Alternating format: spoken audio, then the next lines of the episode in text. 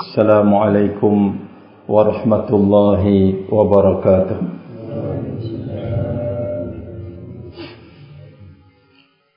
الحمد لله الذي أرسل رسوله بالهدى ودين الحق ليظهره على الدين كله وكفى بالله شهيدا. أشهد أن لا إله إلا الله وحده لا شريك له إقرارا به وتوحيدا وأشهد أن محمدا عبده ورسوله صلى الله عليه وعلى آله وسلم تسليما مزيدا. أما بعد فأوصي نفسي أولا وإياكم بتقوى الله فقد فاز المتقون قال الله عز وجل في كتابه يا أيها الذين آمنوا اتقوا الله حق تقاته ولا تموتن إلا وأنتم مسلمون Ma'asyiral muslimin yang saya hormati dan yang dimuliakan oleh Allah Subhanahu wa taala. Pertama kali puji dan syukur milik Allah Subhanahu wa taala. Dialah yang pantas dan patut untuk disanjung dan dipuji oleh seluruh makhluk ini. Karena tidak ada sekecil pun sekecil apapun nikmat yang mereka butuhkan di dalam hidup dan telah terpenuhi semuanya datang dari Allah Subhanahu wa taala. Oleh karena itu Allah Subhanahu wa taala tidak meminta dari hamba-hambanya untuk membalas dengan pemberian nikmat yang setimpal. Dan tentu hamba itu tidak akan pernah punya kemampuan untuk membalas apa yang diberikan oleh Allah seperti itu. Akan tetapi Allah Azza wa Jalla telah menganugerahkan kepada hamba-hambanya sebuah tugas sekaligus nikmat yang dengannya dia bisa mensyukuri semua nikmat yang telah diberikan oleh Allah. Kalau sekiranya kita diminta untuk balas budi atas nikmat-nikmat yang didapatkan oleh kita, sekali lagi kita tidak pernah punya kemampuan. Nikmat mata dibalas dengan nikmat mata, nikmat pendengaran dibalas dengan nikmat pendengaran, kita tidak pernah punya kemampuan. Akan tetapi Allah Azza wa Jalla telah memberitahukan bahawa di sana ada cara untuk mensyukuri semua nikmat-nikmat yang telah diberikan oleh Allah. Bagaimana itu? Satu, mengucapkan kalimat Alhamdulillah di saat mendapatkan nikmat itu adalah ungkapan kesyukuran. Tentu ini tidak akan sebanding dengan apa yang telah Allah berikan kepada kita. Dianjurkan dan disuruh untuk mengucapkan Alhamdulillah sebagai salah satu bentuk kesyukuran kita kepada Allah. Yang kedua, tidak menggunakan atau menggunakan nikmat-nikmat yang diberikan itu fitaatihi dalam mentaati Allah Subhanahu wa taala dan tidak sebaliknya. Menggunakan nikmat pada jalan yang bermaksiat kepada Allah. Maka di saat seseorang hamba menggunakan nikmat yang diberikan kepada jalur dan jalan yang dicintai dan diridhai oleh Allah, Allah jadikan bahawa ini adalah bentuk kesyukuran hamba itu kepadanya, ma'asyiral muslimin yang saya hormati. Betapa ringan betapa ringan dan mudah permintaan Allah dalam mewujudkan kesyukuran. Nah, kalau kita mau luaskan bentuk kesyukuran ini dan mencakup semua bentuk kesyukuran di dalam hidup, yaitu melaksanakan tugas yang karenanya Allah Azza wa Jalla menciptakan kita yaitu beribadah kepada Allah Subhanahu wa taala. Maka ini merupakan langkah yang paling tertinggi dan yang paling teratas di dalam mewujudkan kesyukuran kita kepada Allah Subhanahu wa taala.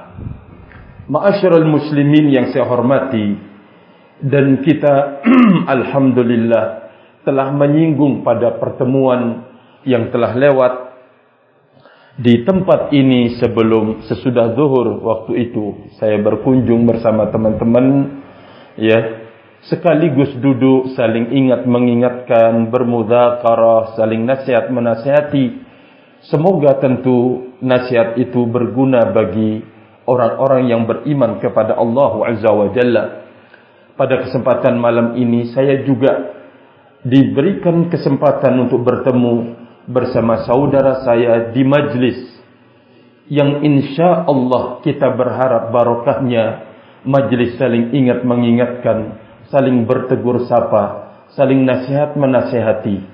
Semoga bermanfaat buat kita. Allahumma amin, Allahumma amin. Pada pertemuan yang telah lewat, saya mengangkat di saat itu terkait dengan persoalan besarnya akan tugas ibadah dan itu merupakan nikmat dari Allah Subhanahu wa taala. Kenapa tugas yang karenanya Allah menciptakan kita? karenanya Allah Azza wa Jalla menciptakan langit dan bumi dan segala apa yang dibutuhkan oleh makhluk yang namanya manusia dan jin untuk menopang tugas besar manusia di hadapan Allah Azza wa Jalla yaitu beribadah kepada Allah Subhanahu wa taala. Sudah kita sebutkan bahawa ternyata tugas ibadah ini merupakan nikmat yang paling besar pada seorang hamba di saat dia dimudahkan oleh Allah melaksanakan tugasnya. Dibantu oleh Allah Azza wa Jalla melaksanakan tugasnya. Dimudahkan oleh Allah Subhanahu wa taala, diringankan oleh Allah Azza wa Jalla beban dalam pelaksanaan tugas tersebut. Kenapa menjadi sebuah nikmat? Sudah kita singgung pada pertemuan yang telah lewat. Ibadah itu menjadi sebuah nikmat karena satu Allah Azza wa Jalla telah menyiapkan segala apa yang kita butuhkan dalam peribadatan itu. Kita butuh tenaga, Allah berikan. Kita butuh kesehatan, dititipkan oleh Allah Azza wa Jalla kesehatan. Semuanya telah dilengkapkan oleh Allah Azza wa Jalla. Segala apa yang dibutuhkan dalam ketaatan kepadanya. Seseorang yang mau berangkat menunaikan ibadah haji atau mau berangkat menunaikan umrah membutuhkan biaya yang sangat-sangat besar semuanya dipersiapkan oleh Allah butuh kekuatan diberikan oleh Allah. Butuh kesiapan kesehatan diberikan oleh Allah. Sampai kemudian perjalanan dengan kemudahan untuk sampai menuju rumahnya Allah Azza wa Jalla semuanya itu bantuan dan pertolongan dari Allah. Setelah kemudian seorang hamba menyelesaikan tugas ibadah itu, taruhlah solat sekarang. Betapa sering muncul bisikan di dalam hidup kita, ajakan atau upaya untuk menjegal, menghalangi kita untuk menjawab azan, mendatangi masjidnya Allah, rumahnya Allah subhanahu wa ta'ala dengan berbagai bentuk kesibukan ini, kesibukan itu, kesibukan ini. Tapi kita selalu menang walaupun mungkin ada bisikan-bisikan seperti itu, kita selalu menang. Maksudnya ada kemudahan, ada keringanan beban untuk memenuhi lebih dahulu panggilan Allah Azza wa Jalla. Benar-benar ini adalah pertolongan dari Allah. Bantuan dari Allah Subhanahu wa taala. Apalagi kalau sekiranya ada pasar malam, acara uh, walimatul urus, acara ini, acara itu, tontonan berbagai macam tontonan. Sering kecenderungan kita kepada itu lebih besar dibanding kita memenuhi panggilan Allah Azza wa Jalla. Kalau bukan karena bantuan dan pertolongan dari Allah terhadap seorang muslim dan muslimah, dia tidak punya kesanggupan untuk memenuhi panggilan Allah Azza wa Jalla. Berarti dalam setiap ketaatan dan kebajikan yang kita laksanakan di sana harus ada bantuan Allah. Di sana harus ada pertolongan Allah Subhanahu wa taala. Oleh karena itu tidak boleh seseorang mengatakan setelah bisa melaksanakan kebaikan, oh saya saya yang paling baik. Saya yang paling bagus. Saya yang paling taat. Saya yang paling tinggi ibadahnya. Saya, saya. Tidak ada itu semua. Kalau seseorang mengetahui. Kalau semua ketaatan-ketaatan, ketaatan yang dia bisa laksanakan. Karena memang bantuan dan pertolongan dari Allah. Tidak akan muncul pada dirinya ujub. Bahwa dia yang segala-galanya. Dengan ketaatan itu tidak pernah dia mengentengkan dan meremehkan orang lain. Apalagi kalau sampai mencela dan mencercanya. Karena dia semuanya mampu dia lakukan dan mampu dia kerjakan. Memang benar-benar bantuan dan pertolongan dari Allah subhanahu wa ta'ala. Ma'asyiral muslimin yang saya hormati. Kalau seseorang sudah mendapatkan bantuan dan pertolongan dari Allah Azza wa Jalla dalam ibadah tersebut. Sekarang, nilai ketaatan yang dikerjakan. Hasil yang eh, keibadah yang dia sudah lakukan. Adakah kepentingannya buat Allah Azza wa Jalla? Akankah Allah butuh kepada ketaatan hambanya yang sudah dibantu? Atau mungkin Allah memberikan bantuan kepada hambanya untuk beriman. Kepentingan Allah subhanahu wa ta'ala. Mungkin mengangkat derajatnya. Sama sekali tidak. Allah azza wa jalla ghani. Allah maha kaya. Tidak membutuhkan sedikit pun dari hamba-hambanya sampai Ar-Rasul alaihi salatu wassalam dalam hadis qudsi mengatakan ya qala Allah azza wa jalla ya ibadi law anna awwalakum wa akhirakum wa insakum wa jinnakum kanu ala atqa qalbi rajulin wahidin minkum ma zada dhalika fi mulki syai'a wahai hamba-hambaku kata Allah azza wa jalla kalau semua makhluk ini inna awwalakum kalau orang pertama kalian sampai terakhir kalian dari kalangan jin dan kalangan manusia semuanya beriman kepada Allah. Tidak ada satu pun yang kufur yang ingkar kepada Allah. Semuanya taat. Semuanya beribadah kepadaku kata Allah. Azza wa jalla tidak akan menambah kemuliaanku sedikit pun. Kata Allah Azza wa Jalla, tidak akan menambah kemuliaanku sedikit pun. Berarti Allah tidak berkepentingan pada hamba-hambanya. Allah Azza wa Jalla tidak punya kebutuhan atas hamba-hambanya. Kalau demikian, seseorang beribadah tekun tekun beribadah kepada Allah untuk siapa sesungguhnya? Maka jawabannya adalah untuk manusia itu sendiri. Tidak ada kepentingannya bagi Allah subhanahu wa ta'ala. Allah Azza wa Jalla akan memberikan nilai kepadanya. Walaupun dia mampu melaksanakan ibadah dan ketaatan itu. Karena bantuan dan pertolongan darinya. Allah akan berikan nilai yang berlipat-lipat. Betapa murahnya Allah subhanahu wa ta'ala. Maka dari sinilah kita mengetahui bahwa ternyata ibadah yang kita lakukan.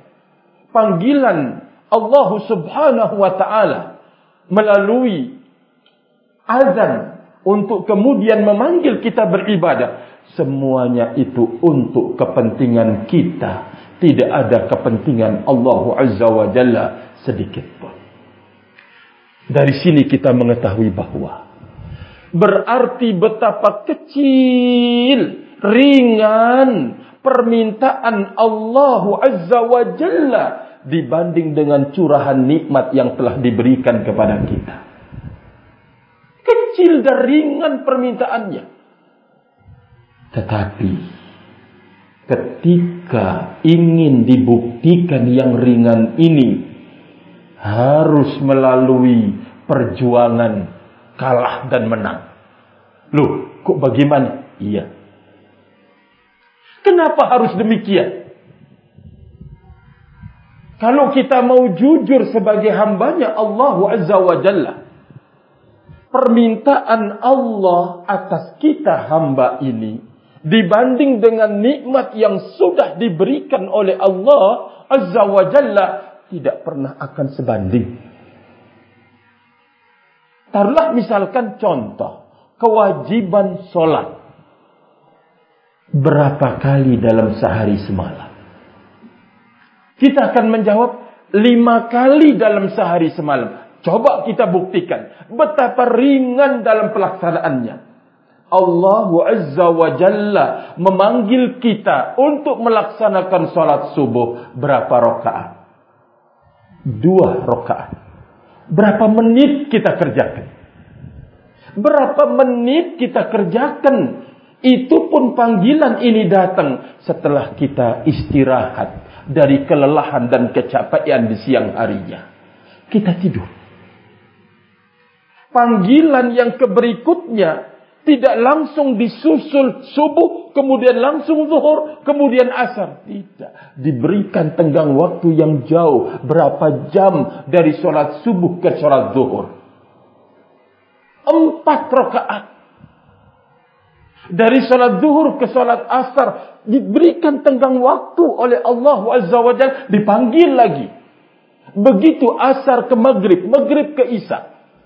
Betapa ringan kewajiban ini ma'asyiral muslimin dibanding dengan udara yang setiap saat kita hirup. Pendengaran, penglihatan, tenaga, semuanya ini adalah anugerah dari Allah Azza wa Jalla. Kalau dibanding dengan permintaan Allah dari hamba-hambanya, betapa ringan. Tapi di saat ingin dibuktikan yang ringan ini, ternyata harus melalui sebuah perjuangan yang di sana menang dan kalah. Kenapa harus demikian? Ada apa sesungguhnya di balik permintaan yang ringan ini kok menjadi sesuatu yang sangat berat? Coba betapa banyak dari saudara dan saudari kita gagal untuk melaksanakannya. Berguguran tidak mau taat kepada Allah Azza wa Jalla.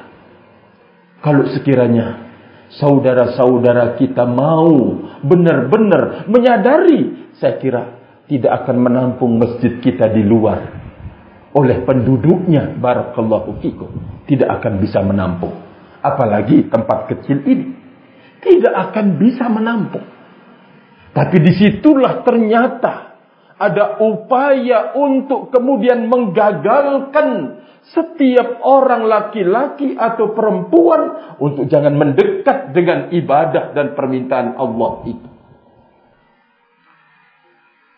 Siapa sesungguhnya di balik itu semua? Pertama kali yang tidak menerima kita itu beribadah kepada Allah dekat dengan Allah Subhanahu wa taala ada pada diri kita sendiri yang disebut dengan hawa nafsu. Inilah yang terus berupaya untuk mengajak kita kepada kejelekan. Mengajak kita kepada kerendahan dan kehinaan hidup. Yaitu hawa nafsu yang ada pada diri kita.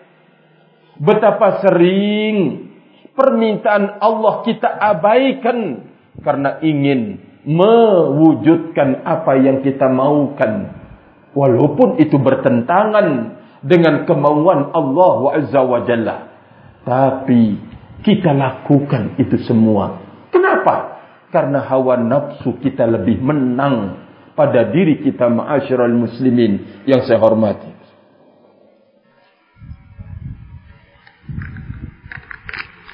ini salah satu lawan yang sangat-sangat tangguh di dalam hidup. Yang sering menggagalkan seseorang untuk sampai kepada Allah Azza wa Jalla. Dekat dengan Allah Subhanahu wa Ta'ala. Allah Azza wa Jalla mengatakan di dalam Al-Quran dalam surat Yusuf. Inna nafsa la'ammaratun bisu'i. Sesungguhnya nafsu seringkali dan selalu mengajak untuk melakukan kejelekan. Ini lawan pertama kali yang ada pada diri kita. Dan insya Allah kita akan sampaikan di waktu-waktu yang akan datang.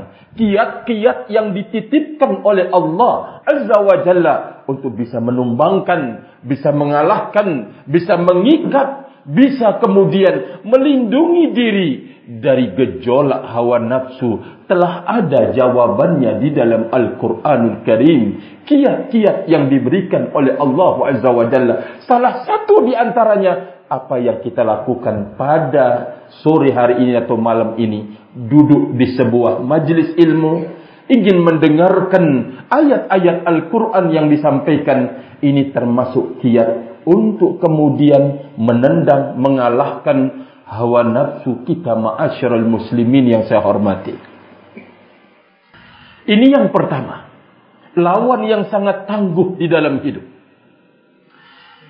Yang kedua adalah makhluk yang memang telah memancangkan dan mendirikan serta membangun permusuhan dan perlawanan. Di saat makhluk ini dikutuk oleh Allah Azza wa Jalla.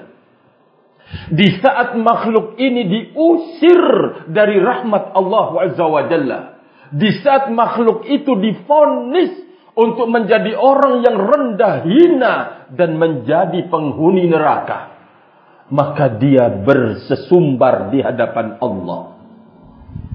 Dia mengatakan di hadapan Allah Azza wa Jalla. Fabima aghwaytani la'aqudanna lahum siratakal mustaqim. Karena engkau telah menyesatkanku wahai Rabb. Maka aku akan menghalanginya duduk di jalan mereka yang lurus. Aku akan datangi dari arah depannya. Wa an min khalfi dari arah belakangnya. Wa an aimani wa an shimali. Aku akan datangi dari arah kanan dan arah kirinya. Kemudian engkau tidak menemukan kebanyakan mereka beribadah. Siapa lawan yang satu ini? Siapa dia? Iblis laknatullah alaih. Yang diusir dari dalam surga. Yang difonis oleh Allah menjadi orang terlaknat dan terkutuk terusir dari rahmat Allah Azza wa Jalla. Dia meminta di hadapan Allah Subhanahu wa taala kesempatan dan peluang fa'anzirni ila yaumi yub'atsun. Wahai Rabb, berikan aku tangguhkan aku, berikan aku peluang, berikan aku kesempatan sampai kemudian hari kebangkitan. Allah memberikan peluang kepadanya untuk menggoda, untuk mengganggu, untuk menghalangi, menjegal, mencegah siapapun yang mencoba dekat dengan Allah Subhanahu wa taala. Ma'asyiral muslimin yang saya hormati, kita bisa menggambarkan sebuah kekuatan yang jahat pada diri kita. Kalau dua kekuatan jahat ini bertemu.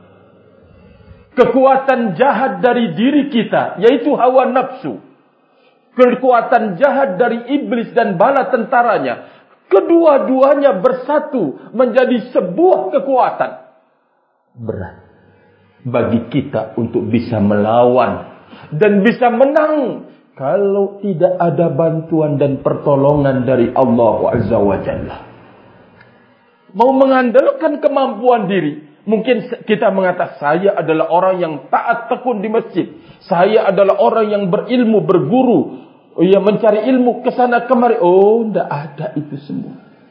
Mungkin ada orang mat saya ini keturunannya Rasul. Oh, tidak ada. Tidak ada itu semua. Bukan menjadi kekuatan sama sekali. Tidak ada. Kekuatan itu datang dari Allah Azza wa Jalla. Bantuannya, pertolongannya. Itulah yang menjadikan seseorang itu menang di dalam hidup ini.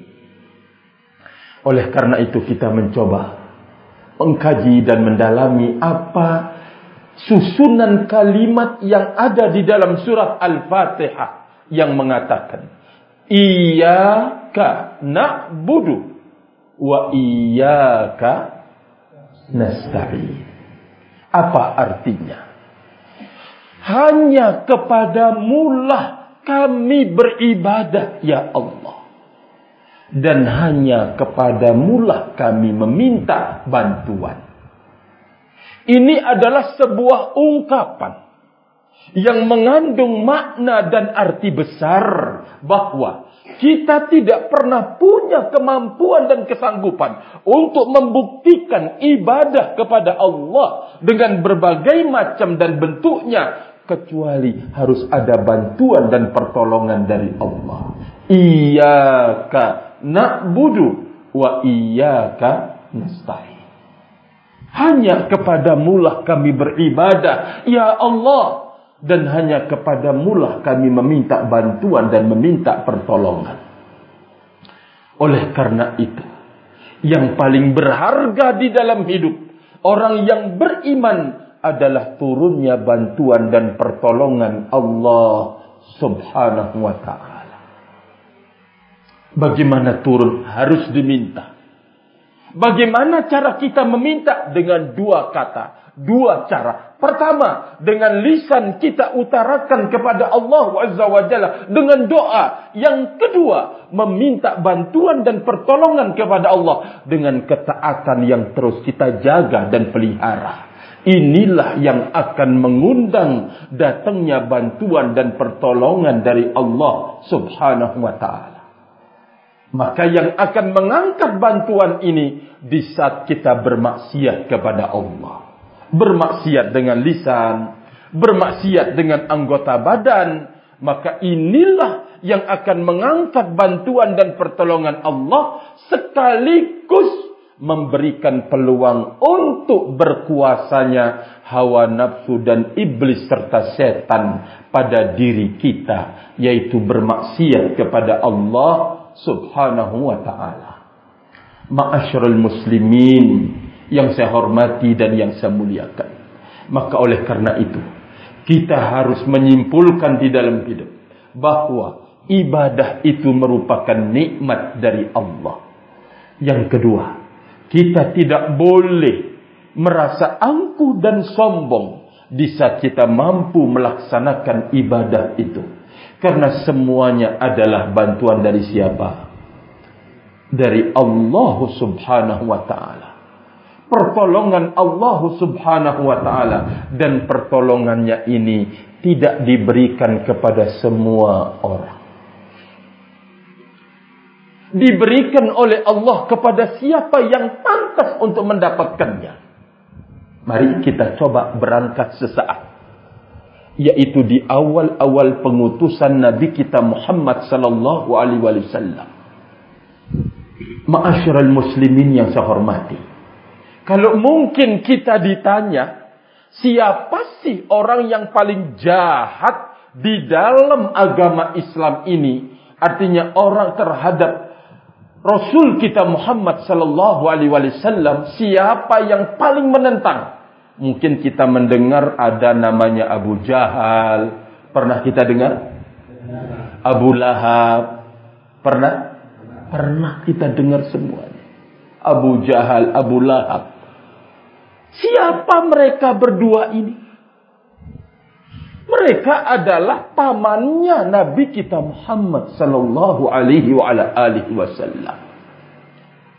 Allah pilih dia untuk menjadi penentang dan juga yang menghadang perjalanan dakwah Nabi kita alaihi salatu wassalam.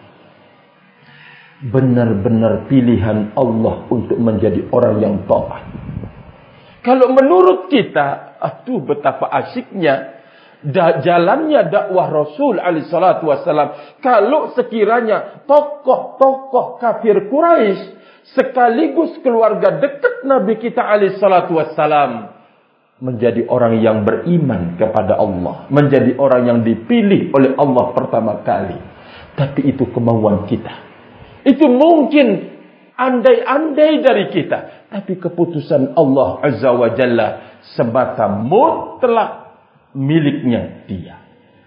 Ternyata yang diberikan nikmat, dibantu dan ditolong oleh Allah untuk mau menyambut ajakan dan seruan Nabi kita Muhammad sallallahu alaihi wasallam. Siapa? Dari kalangan budak-budak.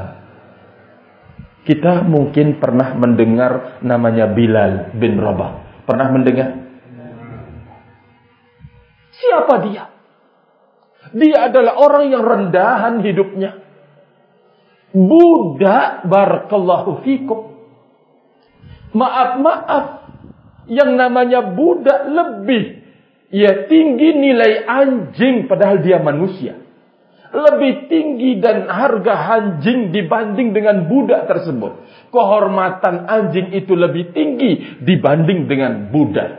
Tetapi karena Allah telah menginginkan untuk dipilih menjadi orang yang mendapatkan bimbingan, bantuan dan pertolongan, ternyata tidak ada yang mampu untuk menghalanginya petunjuk Allah tersebut.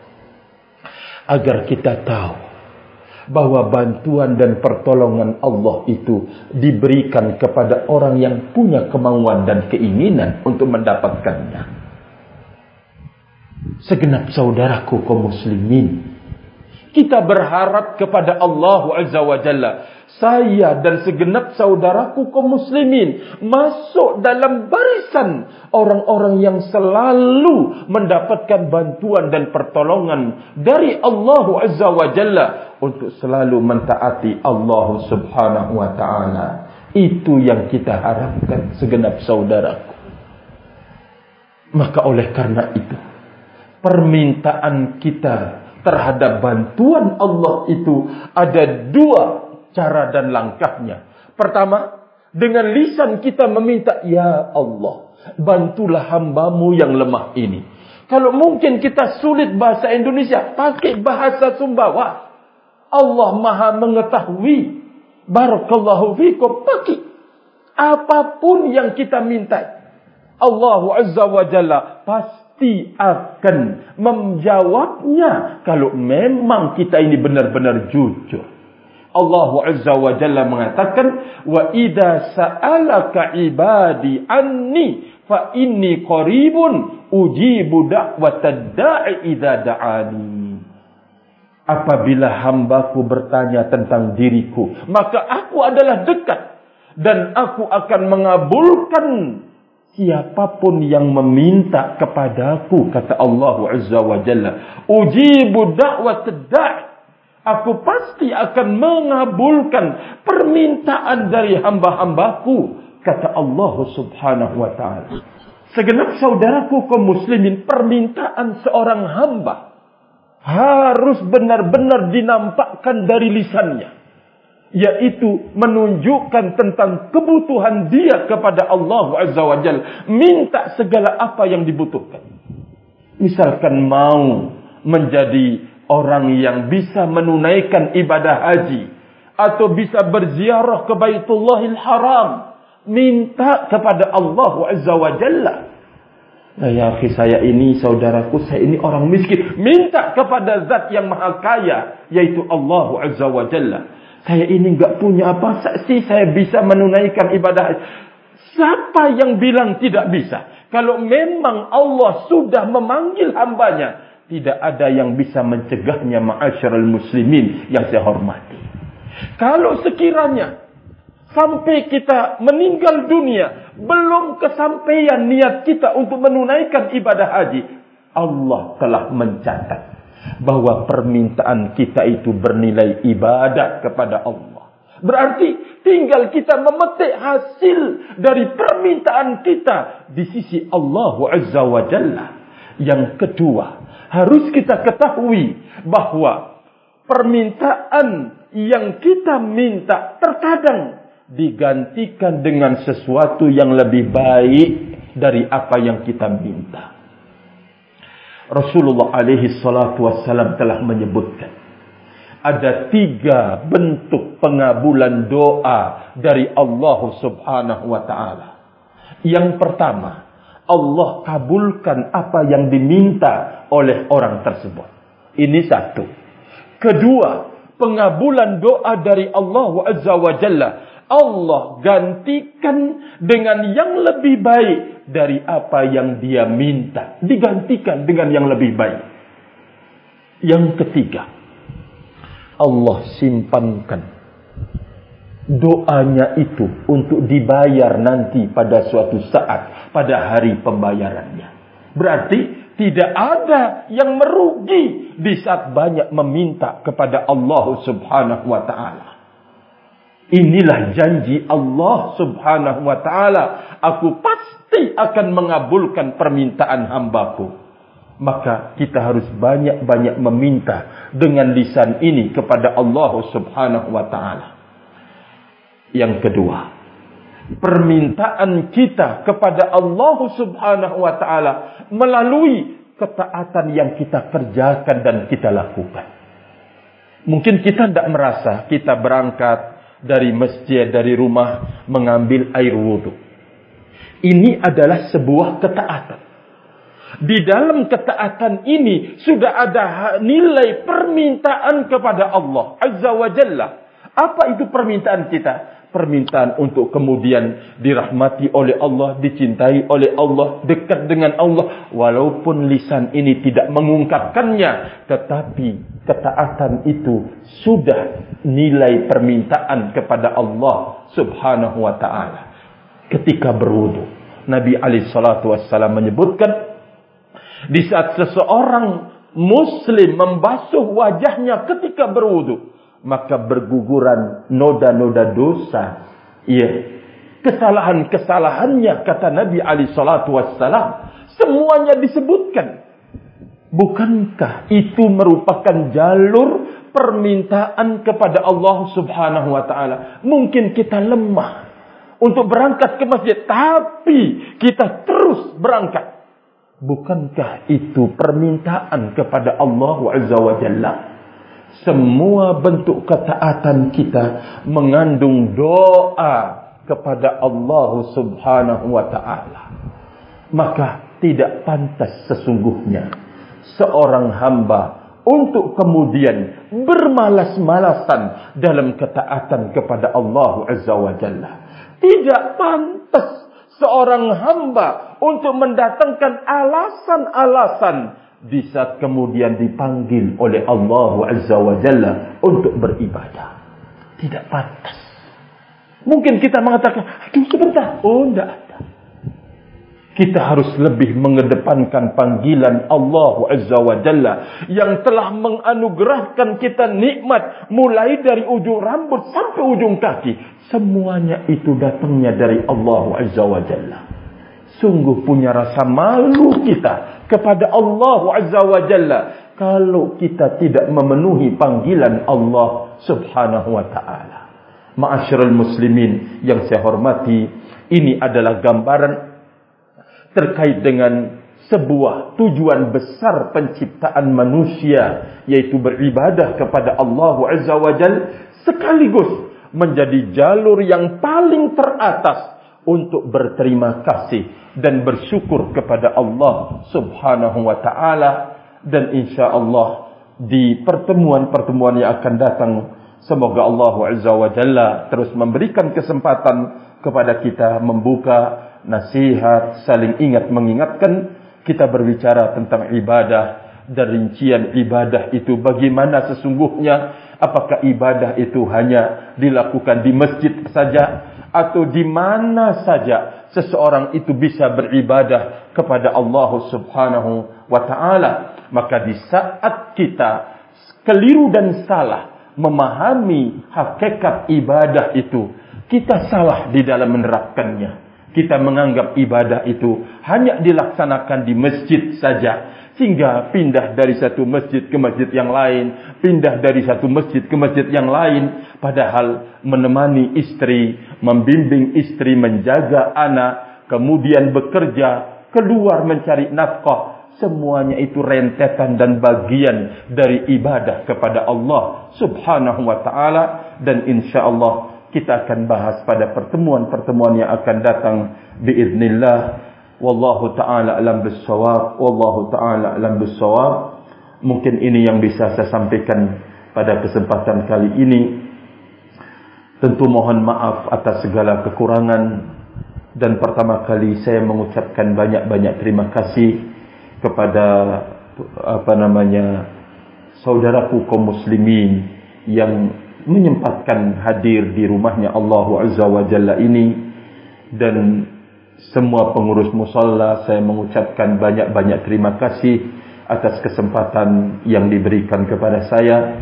Dan siapapun yang menjadi sebab terlaksananya kebaikan ini semoga Allah Azza wa Jalla memberikan imbalan kepada semuanya menjadi amal soleh di sisi Allah Azza wa Jalla yang bernilai ibadah Allahumma amin Allahumma amin. Wa akhiru da'wana alhamdulillah subhanakallahumma wa bihamdika ashhadu an la ilaha illa anta astaghfiruka wa atubu ilaik wassalamu alaikum warahmatullahi wabarakatuh